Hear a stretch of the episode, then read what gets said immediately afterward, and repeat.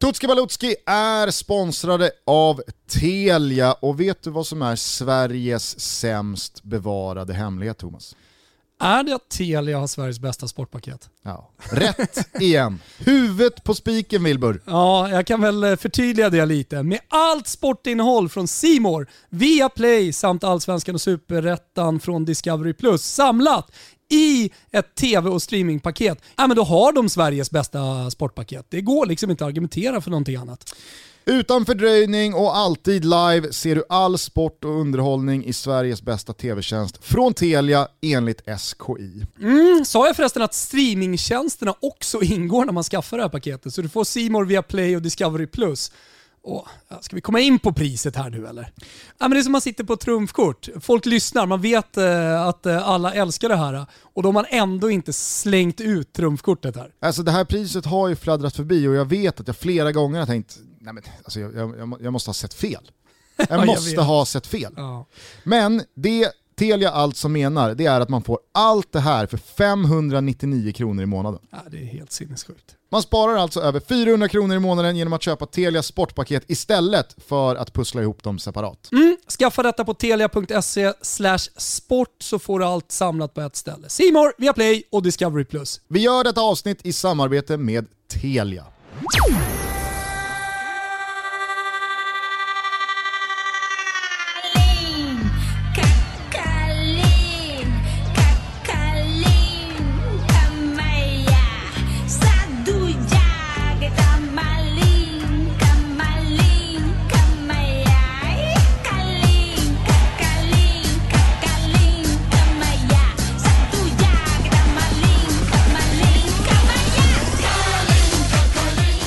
Känn er varmt välkomna till Tutski Balutski. Tre år senare så dammar vi av mästerskapspoddarnas mästerskapspodd. Vi hänger kvar vid namnet Tutski Balutski för att det är så jävla fint. Förra gången vi hördes då skulle VM gå av stapeln i Ryssland. I år så är det ju ett litet annat upplägg på Europamästerskapet, men allting talar väl för att det är i Sankt Petersburg och Ryssland det kommer hända, i alla fall för svensk del. Med mig har jag återigen min parhäst, min edsvune, min älskade Thomas Wilbacher. Välkommen! Tack så mycket! Men givetvis så har vi också fulltalig fronttrio med Kristoffer Svanestjärten Svanemar. Välkommen! Stort tack! Hur är läget? Det är toppen. Känns det inte otroligt att det har gått tre år sedan vi satt och gjorde Tutski Balutski senast? Jo, eh, och blickade mot VM. Eh, vi hade väl inte så jättestora förhoppningar. Eh, vi trodde inte att det skulle leda hela vägen till en kvartsfinal, men det var, ju, det var, det var, ett, det var en härlig sommar man blickade mot med kung Karl som vi hade vänt och ja, men liksom, det var sol och det, allting var, var gött någonstans. Det är, det är ett annat mästerskap man blickar mot nu. Alltså dels för det du säger, att det ska spelas på olika geografiska platser det tycker jag drog ner redan från början.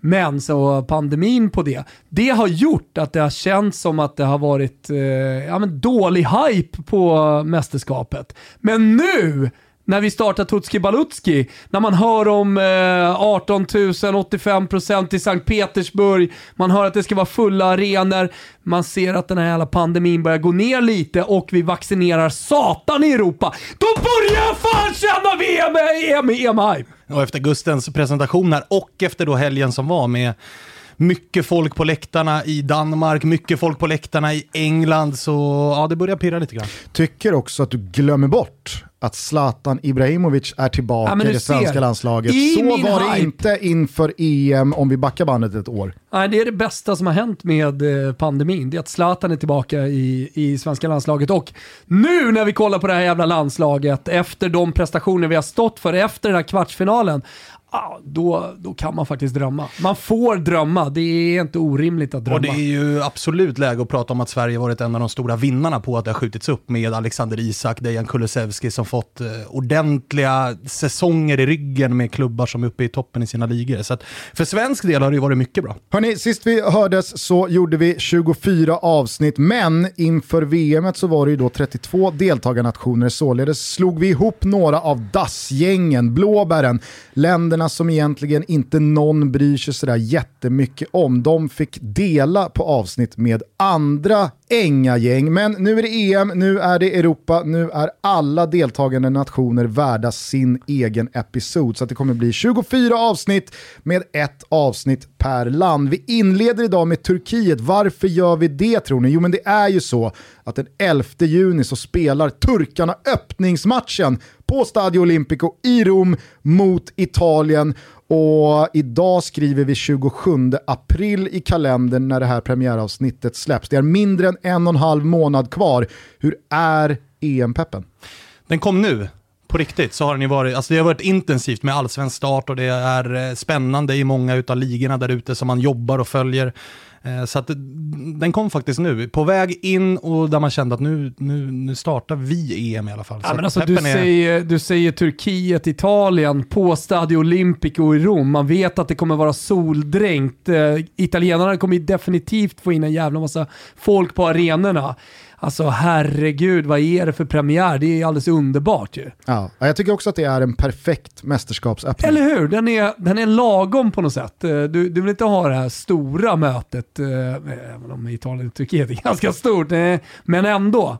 Alltså mäktigt. Mäktigt mm. med Stadio Olympic också som någon slags öppningsarena här. Mäktigt också att Burak Yilmaz eh, är i det slag han är för dagen. Vi kommer återkomma till eh, turkarnas skyttekung längst uppe på topp, men för er som följer ligavslutningen i Frankrike så vet ni vad jag menar. Eh, när vi spelar in det här så har Burak Yilmaz med två mål och en assist vänt ett 0-2 underläge till seger 3-2 för Lille borta mot Lyon. Så att, ah, Burak Yilmaz, han har gjort sitt för att sparka igång den här podden eh, å det grövsta. Eh, ska vi dra förutsättningarna för de som inte har varit med i Tutski Balutski förut? Vi utgår från en så kallad ram. Ja, yeah. Det är kategorier som vi har arbetat efter för att skapa den bästa guiden ni bara kan tänka er. Ni kan eh, lyssna nu Eh, som ni hör på det här. Sen kan man då ta upp ett avsnitt, eh, kanske då premiärdagen, lyssna på Turkiet-Italien igen för att skaffa sig extra bra koll när man surrar med polarna. Bara inför matchen för att det blir mycket roligare. Kanske vill man lira någonting och det återkommer vi till i Ruben. Precis, eh, vi kommer spela in majoriteten av de här avsnitten innan de officiella 23-mannatrupperna är uttagna. Således så kommer vi säkert missa någon som skadar sig under maj månad eller ha fel på någon spelare. Men just för att gardera oss från att ha fel på gubbe 18, 19, 20, 21 och så vidare så är det inte trupperna i stort vi kommer dissekera utan vi har valt att eh, vad gäller spelarna fokusera på ett stjärnskott, vår gubbe, vem som är MVP och så eventuellt då så finns det ytterligare spelare att återkomma till i underkategorin snackisen. Utöver det här så ska vi slå fast vad nationens största mästerskapsminne eller största merit är, hur vägen fram till mästerskapet har sett ut, men också få en bra bild av förbundskaptenen som rattar bygget. Med detta sagt Svanen mm. så är det väl bara att sparka igång. Jag tycker det. Jag tycker det. Det hade blivit tråkigt om vi bara hade liksom rabblat eh, 23 spelare och, och gett dem bakgrundshistorik. Ja, så det känns som en bra ram. på fem. Ja men exakt, det, det är bara onödigt. Så Gubbe 18 till 25. Mm. Ja. Snark. Hörni, eh, Turkiets största mästerskapsminne, det har ni koll på va? Ja, det tycker jag. Eh, det var, ju, eh, det var ju turkarna som Sverige skulle slå ut i den kvartsfinalen man inte tog sig till. Eh, och det skulle leda fram till en semifinal som vi också vann och Sveriges första VM-final sedan 1958. Precis, du pratar om eh, Japan-Sydkorea sommaren 2002. Det var nämligen då som turkarna tog sin största fotbollsmerit vad gäller mästerskap när man alltså landade bronset. Hakan Şükür gjorde VM-historiens snabbaste mål i den där bronsmatchen, minns ni det? Mm. 10-11 sekunder va? Mm.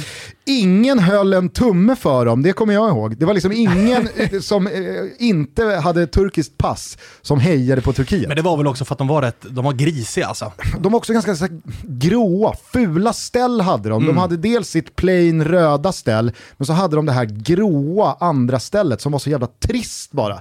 Hakan Şükür, ah, visst det är väl svårt att dissa honom, men det var någonting med det där Turkiet som jag i alla fall upplevde som, det var de mot alla andra. Ingen utanför Turkiet höll en tumme för turkarna. Nej, jag vet inte om det är för att jag har många turkiska polare eller vad det är, men jag, jag har, håller alltid en liten extra tumme för turkarna. Jag kommer ihåg, jag såg ju Kroatien-Turkiet eh, EM 2016 på plats. Eh, det var ju premiären i den gruppen. Eh, på Parc de Prince faktiskt. Eh, en eh, jävla fin match där eh, Perisic i Kroatien var, var helt vass. Och sen så kom den här unga turken, var han Dortmund då in? Jag inte vad, vad hans Emre karriär- Mor. Ja exakt, Emre Mor eh, spelade och jag Gått kommer ihåg lite att jag var in stå. på, gått lite i stå för den gubben, ja, exakt. Men eh, jag tyckte han var pigg i alla fall den matchen, det är ungefär det jag minns. Var det Rushdie i Det kassen låg- då eller? Inte 2016. Nej, alltså... Eller du ska tillbaka till ja, 02 här nu. exakt. Eh, världen fick då stifta bekantskap med Hassan Sas och Ümit Davala, kommer ni ihåg? Oh, ja. Mohikanen. Ja, ja. Emre Belözoğlu och eh, Nihat Kaveci bubblade något så in i helvete. Arif Erdem och Tugay Kerimoglu bar vattnet. Äh, men helvete vilken turkisk upplaga det här var. De gick ju dock såklart i bronsförbannelsen och bommade följande mästerskap. Men så går det ju för alla som tar brons i fotbolls-VM. Det vet väl alla som lyssnar på den här podden. Sen vet jag inte hur många som minns den otroliga EM-sommaren 2008 och att turkarna faktiskt gick hela vägen till semifinal genom att något så in i helvete dramatiskt slå Kroatien i kvartsfinalen efter underläge i 119 minuten, men kvittering i 121 och sen seger på straffsparksläggningen. Det här var ju ett mästerskap där Turkiet liksom blev... Bortglömt mästerskap. Ja, men det blev också ett mästerskap där Turkiet blev comeback king. Så till skillnad då från 02 så upplevde jag att då var det många som höll på Turkiet som inte har liksom turkiskt pass eller kopplingar dit. Jag kommer ihåg, jag såg den här matchen i eh, Norrtälje, nära ditt eh, nuvarande landställe, hem, eller hos Bosse Andersson, som med min kompis slog vad med, eh, med, de slog vad vilka som skulle vidare, Kroatien eller Jävla Turkiet. tjatcha där uppe i, i, i Norrtälje fick, eh, mellan Svanus och, och Ah, Bosse. Andersson. Bosse fick köra några 20 armhävningar och ut och bada där på natten när den matchen var över. Så det, det är dramatisk jävla match. Man pressade ju sen självaste tysken till 3-2 i semifinalen, men där tog sagan slut efter att den lilla gynnaren Filip Lam avgjort i 90 minuten. Han är nog klokt i att hålla sig borta från Bosporen, den gode Lam. Kvalet till eh, Europamästerskapet i eh, sommar då, ja det är ju speciellt och det ska vi väl ta direkt. Eh, väldigt många av deltagarnationerna i sommar kvalificerade sig för det här mästerskapet så länge sedan som för ett och ett halvt år sedan. Så det har ju runnit en del fotbollsvatten under bron sedan dess med både Nations League och faktiskt ett VM-kval som har startat upp här i månadsskiftet mars-april. Men vad fan spelar det för roll? Det var i alla fall så här Turkiet tog sig till EM. Man eh, har ju kvalat mot Island typ 13 gånger i rad och man tog sig till EM genom att hålla den lilla ön bakom sig i en grupp som vanns av Frankrike. Men det var faktiskt mot självaste världsmästarna som turkarna la grunden till mästerskapsbiljetten genom att hemmaslå dem fair and square med 2-0. Sassuolos eh, Kan Ayan, då i Fortuna Düsseldorf och Leicesters Cengiz Ynder, då i Roma, gjorde båda målen och visst fasiken lyckades de lösa en pinne även borta i Paris. Det här innebar att turkarna faktiskt kunde kosta på sig att bara ta en poäng i de två matcherna mot Island och 0-0 hemma i eh, näst sista rundan innebar att avancemanget säkrades där och då. Sen dess har det däremot gått lite trögare. Ni kommer kanske ihåg att gul och gul och satte både Turkiet och Ryssland på plats under Nations League-premiär hösten 2018. Det här gjorde att turkarna till höstens upplaga utöver Ryssland fick sällskap av Ungern och Serbien i en ganska brunkig B-division. Det här slutade faktiskt riktigt illa för Turken med bara en seger och fjuttiga sex pinnar av 24 möjliga. Och när den stolta turneringen Nations League rullar vidare nästa gång så befinner sig således Turkiet i den inte speciellt glamorösa C-divisionen. Klart. Erdogan skämdes som en hund där och då när det slogs fast. Således blev i alla fall jag jävligt överraskad över Turkiets start på VM-kvalet i slutet av mars. Man fick en pangstart på den tuffa gruppen med Holland, Montenegro och Norge genom att slå Di Oranje med 4-2 i Istanbul. Jag tror inte att jag var ensam om att fråga mig själv vad fan det var som pågick när Chalanoglu gjorde 3-0 precis i inledningen av den andra halvleken. Sen åkte man upp till eh, Ullevål, imponerade och slog norsken med 3-0. Tre solklara noll. Ja, Trots att eh, Morten Langli och andra norrmän såg ljuset i det där målet man gjorde, men som aldrig var något mål man gjorde. Ja, precis. Det. Vi spelade ju bra. När, när kliver Norge in i EM i sommar? Någon som har koll på det? Jag har inte blivit tilldelad Nej. Norge i alla fall när vi har gjort fördelningen här av Men nationer. fan, är inte Norge med? Inte Norge med EM? Jag tror att de kan ha bommat den här gången också. Ja. Aj, aj, aj, aj, Och. VM ser tufft ut. Ja, Ja. den starten var väl inte riktigt ultimat Ja, ja, men heller. eh, det, det, det kommer ju mästerskap framåt i, i tiden också. VM-biljetten för Turkiet hade man sen mer eller mindre kunnat placera i en ask om man bara fokuserat och slagit Lettland på hemmaplan. Men här gick det klassiska turkiska mönstret igen. Överraskande bra när ingen riktigt tror på dem och sen platt fall när de bara ska vinna. Ja, men det är ju verkligen turkarna. Alltså, ja. Att eh, vara fantastiska, inleda bra och sen så skita på sig en sån där match. Vad fan, vinn den bara! Sätt dig i förarsätet ordentligt. Och det är väl en sak att hamna snett i en match, ta ett rött kort och ligga under, men Turkiet leder alltså med 3-1 hemma mot Lettland med halvtimmen kvar. Ändå så slarvar de bort två poäng. Ah, ni hör ju själva, sju poäng på tre fighter med både Holland och Norge avklarat är ju såklart en kanonstart. Men visst fan är det en liten sten i den turkiska sandalen att man tappar två hemma mot Lettland, det fattar ju vem som helst. Vi är sponsrade av Coreout och jag tänker Thomas att det finns en del lyssnare där ute som undrar hur man går tillväga när man ska bygga en ny altan. Då ställer du frågan till mig och då kanske folk skrattar. Vadå, ska Wilbur José berätta för mig hur jag ska bygga min altan? Ja, men svaret är ganska enkelt. Gå till Coreouta så får ni hjälp. Precis, de huserar både projektplanerare och proffs. Jag satt mig ner med Magnus i Arninge och så hade jag mina små papper där med en ritning och lite Ah. tankar. Och så sa Magnus, jaha, trappa då, hur har du tänkt där? Eh, ja, Blev du Vad har jag tyst? tänkt där? Jaha, ja, men det kanske du behöver tänka på. Räcken, Ja. har du någon plan där? Nja, eller alltså vad, vad menar Ja, alltså vad ska du ha för räcken? Ska du ha räcken? Ska du ha olika delar av räcken på olika sidor av altanen? Man kan ju se Anton Elin trilla ner, drutta ner utan räcke där vid klockan 23 en sommarkväll annars. Det kan man göra, absolut.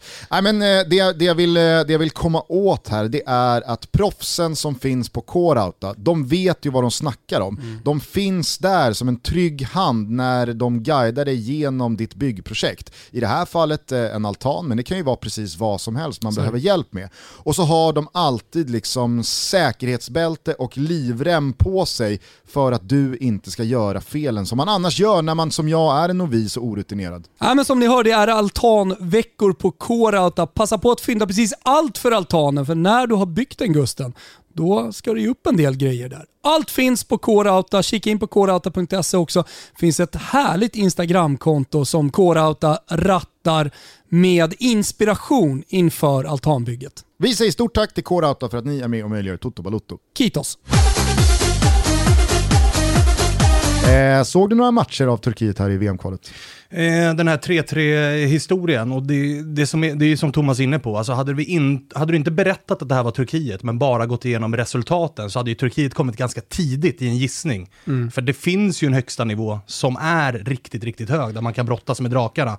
Men de har ju också den där förmågan att bara falla igenom mot, mot eh, mindre nationer. Ja, och på tal om Sverige som har fått eh, Ibrahimovic eh, och sen erfarenhet på Kulusevski och Alexander Isak, Svanberg. Eh, nu blir ju det i Sverige-avsnittet, men där finns ju motsvarigheter i Turkiet som verkligen har hittat dunderformen. Ta bara Chalanoglu, som när det där EM-kvalet var liksom slutspelat, då, då, då var han en hånad spelare, en spelare som var på väg bort till Mi- från Milan, men inte till någon jävla toppklubb i, i eh, Premier League. Nu är det liksom Manchester United och de klubbarna som, som är ute efter Chalanoglu. Han spelar ju sin livs bästa fotboll just nu.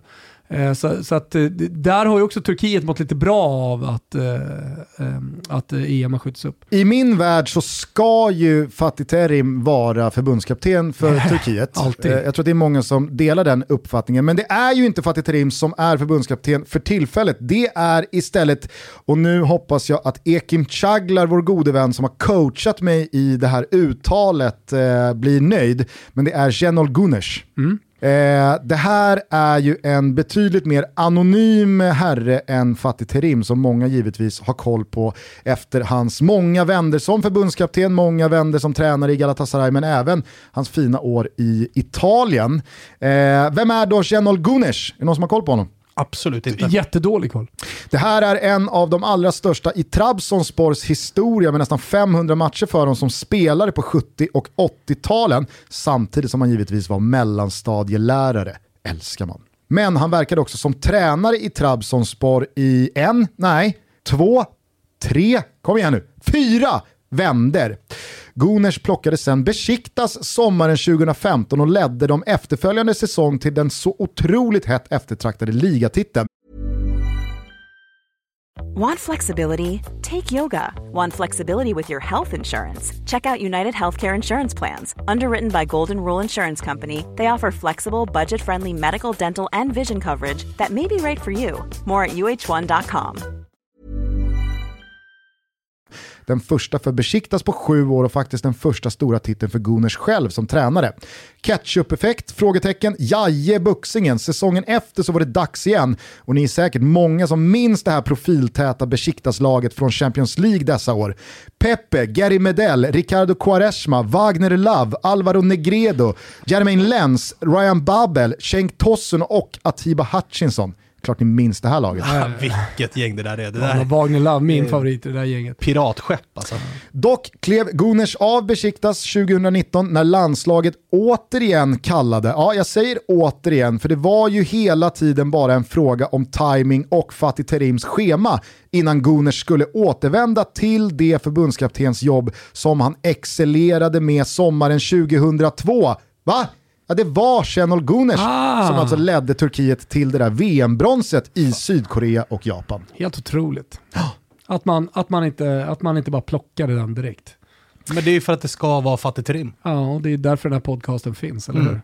Eh, som eh, faktisk fotbollstränare så verkar han vara ganska flexibel i sin filosofi, men på senare år så har han använt sig av eh, väldigt många olika formationer som alla har en gemensam nämnare, nämligen en central spjutspets. Jag har sett eh, både Besiktas och Turkiet spela 4-1-4-1, 4-2-3-1 och 4-5-1. Men det jag undrar det är ifall inte Genol Gunes eh, borde se över möjligheterna att implementera en eh, treback eftersom han sitter inne på en sån jävla mittbacksgeneration. Vi kan väl återkomma till den lite senare. Hans status i landet är eh, att han är väldigt, väldigt uppskattad. Dock rör han inte upp lika mycket känslor som Fatih Terim. Det är väl ingen speciellt Kanske förvånad över kanske. Eh, landet är liksom inte lika tudelat kring Guners som han är kring Fatih Terim och han är även medialt eh, betydligt mer tystlåten och gör sällan några större utspel. Vet vi det om Channel Guners? Ja, mycket bra information här måste jag säga. Och sen så blir man ju direkt sugen på att återkomma till eh, mittbackarna och liksom Ja, där pirrade hur det de ska till. Ställa, ja, hur de ska ställa upp. Alltså. Två stora snackisar präglar EM-uppladdningen bland de turkiska gubbarna. Det är väl såklart ett jävla fotbollstokigt folk, men jag vet inte hur det är med er. Jag ser i alla fall framför mig en otroligt stor mängd gubbar sitta på torgen i Istanbul och prata om det här Dricka i turkisk, timmar dri- dricka efter turkisk kaffe timmar. och röka någonting. Exakt. Mycket elsig kan jag tänka mig i Istanbul just nu Mm, utan det att har ha någon, någon koll. Där. Så elciggen går ju sjukt bra i, i Turkiet. Ja, kanske. Vad pratar de om då? Jo, det är en rejält stor snackis att det inte finns någon given etta i målet eller att eh, någon målvakt för den delen håller måttet. I VM-kvalet nu senast stod Trabzonspors eh, Ugurcan Shakir, men tre insläppta mot Lettland Nej. dödade ju inte riktigt eh, diskussionen om vem som borde stå i eh, EM-premiären. Så där har de att ta itu med i målvaktspositionen. Men dessutom, kanske den största snackisen av alla, det är ju att eh, Cenk Tosun då har eh, långtidsskadat sig. Och det här gör att Burak Yilmaz absolut under några som helst omständigheter inte får gå sönder. För då har Turkiet inte en enda anfallare av För dugligt jag som i snitt. Seinfeld, du vet, när de eh, har den här killen i bubblan. Bubble boy. Bubble boy, ja exakt. De får plombera Burak Yilmaz. Och man ska ju komma ihåg, Burak Yilmaz, han är inte purung. Han är väl eh, 85 va? 37, 36, 37. Å andra sidan så stänker han ju in kassar i Lill. Han slutar ju aldrig göra mål. Nej. Och det är nog nästan bra för Turkiet att Cenk Tosun är, är out, för Alltså, där har det ju gått sådär va. Ja men precis, vi kan ju vara lite mini-aktuella bara. Alltså, han, han sänkte ju Lyon i, i söndags och så någon som lyssnar på det här senare närmare mot EM så, så är det trots allt en ganska bra formindikering inför, inför EM. Alltså, han har ju gått bra i, i Lille under hela säsongen. Och med tanke då på Cenk Tosuns långtidsskada och att Burak Yilmaz absolut inte får gå sönder så kanske man borde då hålla Burak Yilmaz som MVP eftersom han dessutom är lagkapten och den stora målmaskinen. Han har fan 197 ligamål på 291 ligamatcher i karriären. Mm. Nej, det här är faktiskt siffror som ska uppdateras efter Lyon-matchen. 199 ligamål på 292 ligamatcher. Live-uppdateringen av siffrorna. Ja, men vad är det för jävla siffror? Ja, det är faktiskt helt otroliga siffror. Man ska komma ihåg att Messi och Ronaldo har ju förstört målsnitt för resten av de mänskliga anfallarna i världen. Mm. Man tittar på de här siffrorna och så tänker man, ja, ja men jämfört med Ronaldo och Messi så är, så är väl inte det så jävla speciellt. Alltså jämfört med 99,9% av alla anfallare i Europa de senaste 20 åren så är det här otroliga siffror. Ja, och då, Ja, ja. då kanske någon vänder sig eh, mot hans karriär och kollar, jo men han har bara gjort det i Turkiet. Vadå bara och bara kan man ju såklart säga också. Men han, han gjorde, gjorde väl Kina-svängen och tjänade lite kulor där. Annars har han ju liksom varit i, i Turkiet hela karriären i Galatasaray, Besiktas och så vidare. Och gör faktiskt sin första säsong då i en europeisk toppliga. Och visar Nu. att han håller där och också. visar att han håller där också. Ålder hit, ålder dit. Fan jag skiter i ålder. Alltså Burak Yilmaz, vilken gubbe. Han får dock inte etiketten MVP utan den sätter jag på Hakan Çalhanoğlu. Ska Turkiet uträtta något stort i sommar så kommer väldigt mycket hänga på Milans nummer 10. Det har varit en jävla massa småskador, sjukdomar och märkliga formdippar efter att kontraktet med Milano-klubben förlängdes i vintras. Men ingen som har följt Serie A de senaste åren kan ifrågasätta den höjd som Çalhanoğlu besitter. Skotten utifrån, blicken för spelet, bollkontrollen, de fasta situationerna och faktiskt arbetskapaciteten håller när han är i form absolut högsta nivå i dessa sammanhang. Och kalla mig fördomsfull, men Turkiet är fortfarande ett fotbollslag som är väldigt mycket en spegelbild av sin bästa spelare. Hakan Şükür, Emre, Arda Turan, Burak Yilmaz. Jag säger att det här är Hakan Çalhanoğlus stora möjlighet att sålla sig till dessa herrars betydelse för laget. Vet du vad som slår mig? Vet ni vad som slår mig? Svanemar och Gusten Dahlin. Nej. Jag har sökt och jag har sökt. Ni vet att jag hatar benämningar som den nye och så är det då Ronaldo eller Messi eller vem det är. Men jag har faktiskt sökt efter en ny stor spelare. Och jag har inte hittat honom, men nu gav du mig honom. Nu är det glasklart för mig. Hakan, Sho- Hakan är den nye David Beckham. David Beckham. Han är Ja, den nye David Beckham. Oj. Så jävla underskattad arbetskapacitet på David Beckham.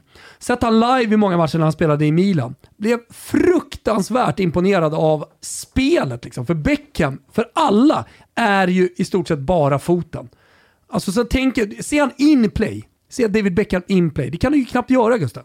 Alltså så här, David Beckham i, i spel, du får knappt upp en bild. Jag får upp en bild av David Beckham som mittfältare. Hårt arbetande, stentuff i närkamperna. En bra passningsfot såklart, som hela tiden gjorde skillnad med det. Men inte en en mot en-spelare. Han spelade mycket ytter liksom under, sin karriär också, David Beckham. Så här. Det var ju foten. Kolla på Hakan Calhanoglu. Du har ju den hårt arbetande mittfältaren.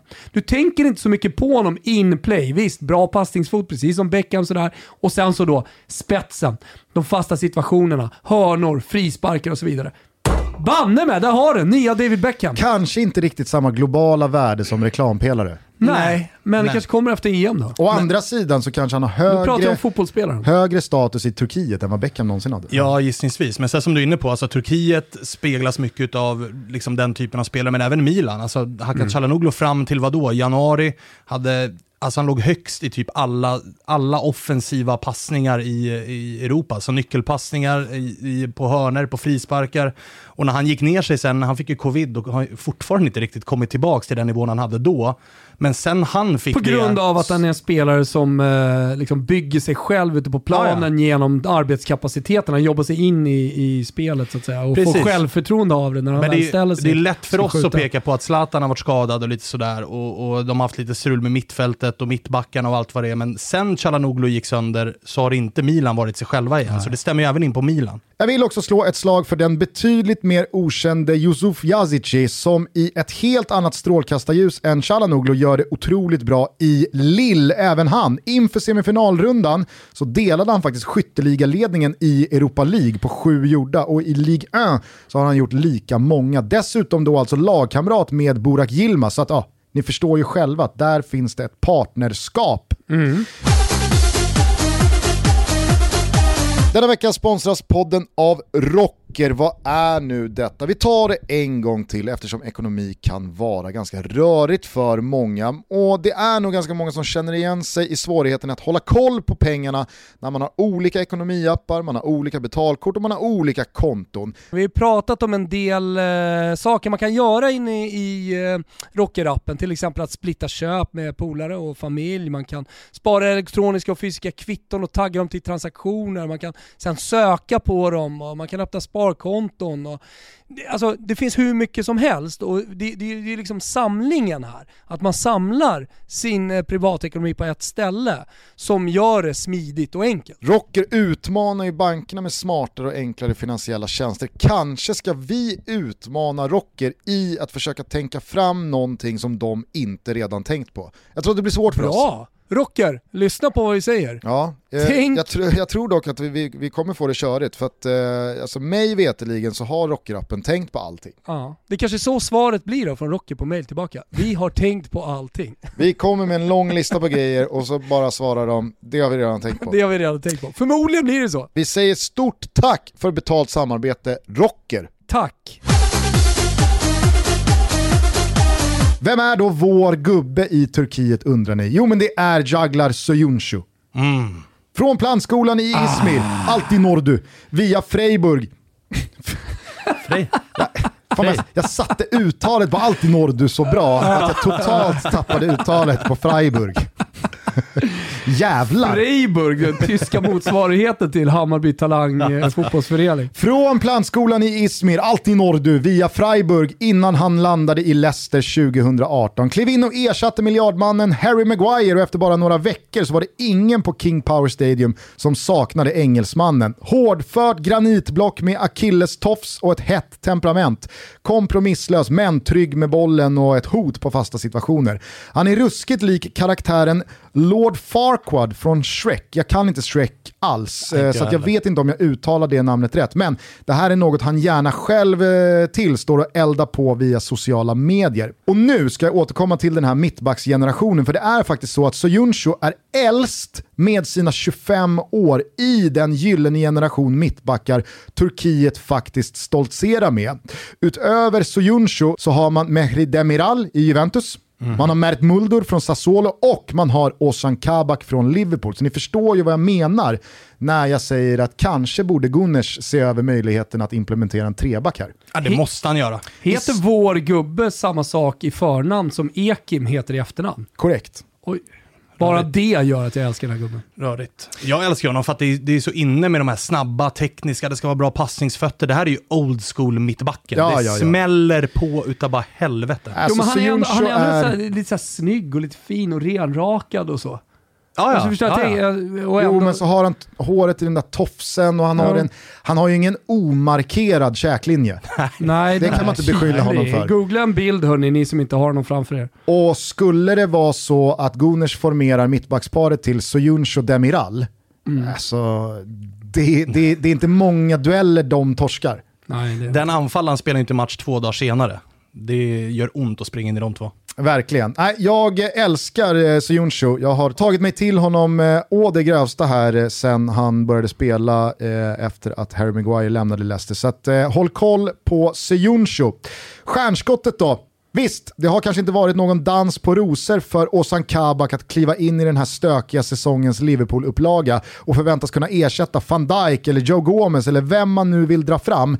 Men den unge mittbacken från Schalke 04 har i alla fall inte backat från att försöka. Han är faktiskt bara född 2000 och som ni hör så är ju konkurrensen faktiskt mördande både i Liverpool och i det turkiska landslaget. Men i Ozan Kabak så bor en riktigt, riktigt lovande mittback. Så att, eh, det är stjärnskottet. Mm, förstår Ja, men- man ju. Kul också, eller kul, men, men att välja ett stjärnskott som eh, inte nödvändigtvis är någon som är bra en mot en och, och gör många poäng, utan eh, att det faktiskt här, det kanske säger någonting om Turkiet också.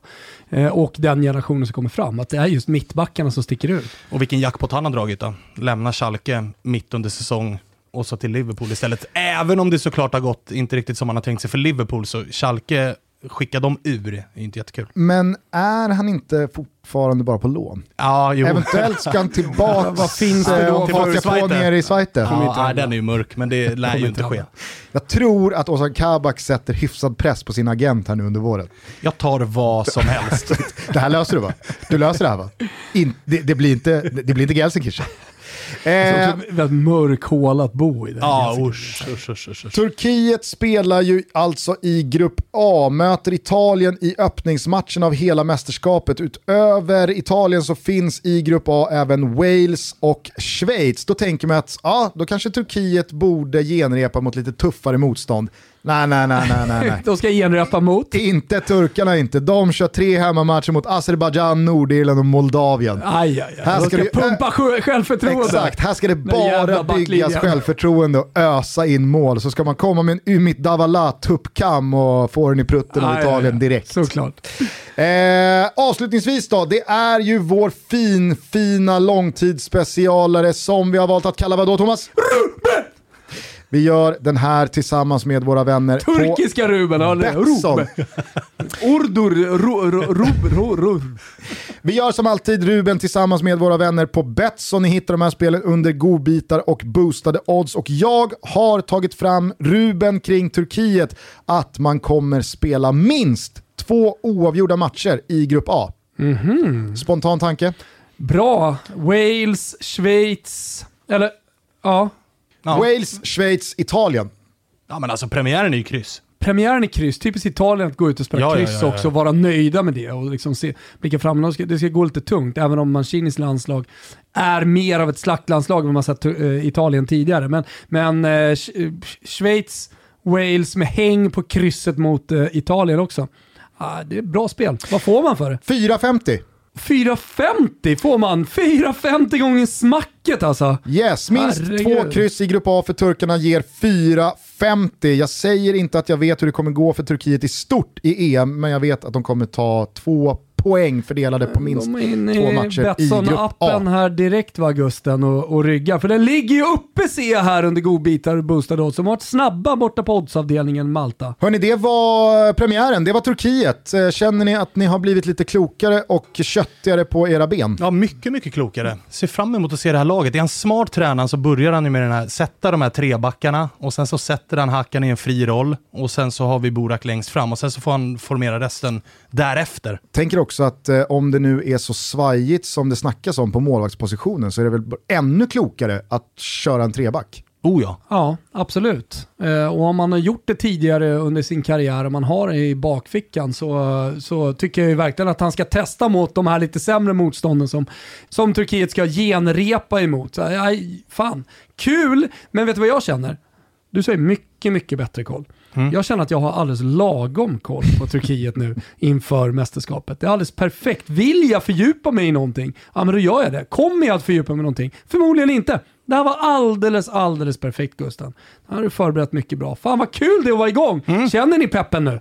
Jag känner oerhört Herregud. mycket pepp och kanske ökar den med ytterligare någon procent när superproducent Kimpa Wirsén nu rullar igång turkiska toner. Oj, oj, det var det jag väntade på. Alltså, det är nästan höjdpunkten. Självklart Ruben. Den, den vill man ju alltid höra vad ni, har- vad ni har funderat på. Men turkiska toner, det vill man höra. Nu är Tutski Balutski igång. Det kommer ett nytt avsnitt varje vardag hela vägen fram till och med fredag den 28 maj då vi går i mål med Spanien-avsnittet. Så att eh, en dryg månad ska vi ha nu tillsammans. Eh, Toto Balutto rullar givetvis på parallellt med minst två avsnitt i veckan. Ingen rast, ingen ro, men det är precis så det ska vara med dryga månaden till Europamästerskapet. Imorgon hörs vi igen, då är det Svanus som rattar Kroatien-avsnittet. Finns det någon eh, liten, liten nugget du kan bjuda på redan nu? Eh, Ja, vi snackar landsflykt, vi snackar eh, ja, stökiga bröllop. Det luktar Eh, Mamic. Det luktar Mamic. Härligt. Häng med oss då, vi hörs. Eh, ciao tutti. Ciao. Ciao.